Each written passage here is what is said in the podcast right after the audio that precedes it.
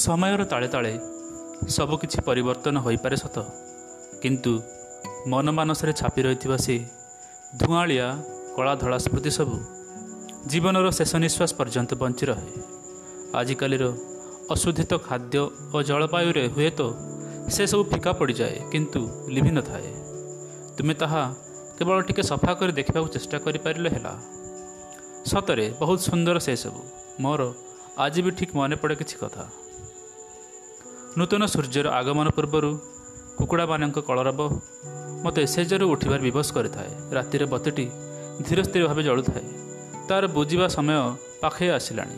ଏ ଭିତରେ ମା ମୋର ନିଜର ନିତ୍ୟକର୍ମ ସାରି ରୋଷେଇରେ ବ୍ୟସ୍ତ। ସେତେବେଳେ ତ ମୁଁ ଅଜ୍ଞାନ ଥିଲି କିନ୍ତୁ ଆଜି ସେ କଥା ଭାବିଲେ ଆଶ୍ଚର୍ଯ୍ୟ ଲାଗେ। ମାତ୍ର ବାଇଶ ତେଇଶ ବର୍ଷର ଝିଅଟି ହୋଇ ମୋ ମା କିପରି ଏତେ ସବୁ ଘର କାମ କରିପାରୁଥିଲେ? ଆଜିର ଝିଅମାନଙ୍କୁ ଦେଖ।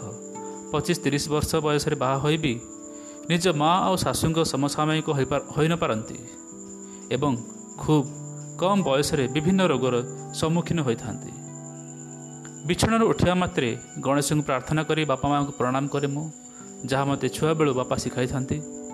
ଆଉ ତାପରେ ଶୀଘ୍ର ଦନ୍ତମଞ୍ଜନ କରି ଗାଧୋଇ ପାଧୋଇ ନିଜକୁ ପ୍ରସ୍ତୁତ କରେ ବାପାଙ୍କ ସହ ଯିବା ପାଇଁ। ପ୍ରକୃତରେ କହିବାକୁ ଗଲେ ମୋର ମନଟା ଥାଏ ବାପାଙ୍କ ନୂଆ ସାଇକେଲ ଉପରେ ଶିକ୍ଷକ ଚାକିରି ପାଇବାରେ ଏବଂ ସାଇକେଲ କିଣିବାରେ ବାପା ମୋ ଆମ ଗାଁରେ ପ୍ରଥମ। ଚାକିରି କରି ପ୍ରାୟ ଏକ ବର୍ଷ ପରେ ସେ ସାଇକେଲଟି କିଣିଛନ୍ତି। ଆଉ ତା ସହ ମୋର ବାପାଙ୍କ ସ୍କୁଲରେ ବି ନାମକରଣ ହୋଇଥାଏ। ଏ ଖୁସିରେ ମୁଁ ସବୁକିଛି କରିବାକୁ ପ୍ରସ୍ତୁତ ଥାଏ। ଏକତଃ ସାଇକେଲରେ ବସିବା ପାଇଁ ଦ୍ୱିତୀୟତଃ ସ୍କୁଲ ଯିବା ପାଇଁ।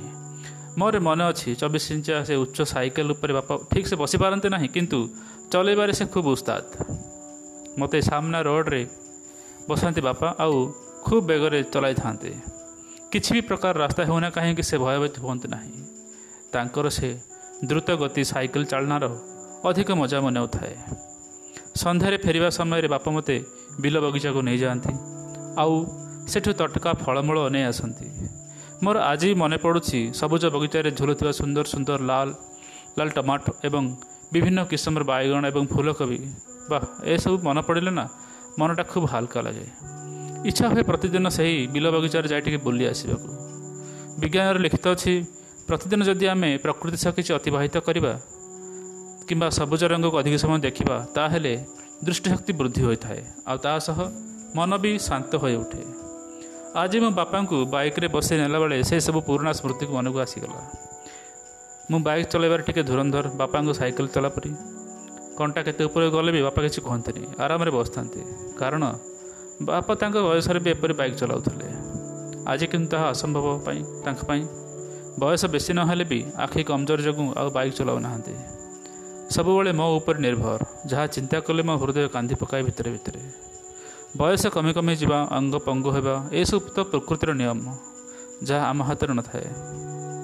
କିନ୍ତୁ ଆମେ ଆମର ସ୍ୱଭାବ ଭଲ ପାଇବା ଦାୟିତ୍ୱ ବୋଧକୁ ଯଦି ଠିକ୍ସେ ବଞ୍ଚାଇ ନପାରିବା ତେବେ ବୋଧେ ମଣିଷ ଜନ୍ମର ସାର୍ଥକତା ଲାଭ ହୁଏନି। ବାପା କହିଲେ ଠାକୁରଙ୍କୁ ଡାକ ସବୁ ଠିକ୍ ହେବ।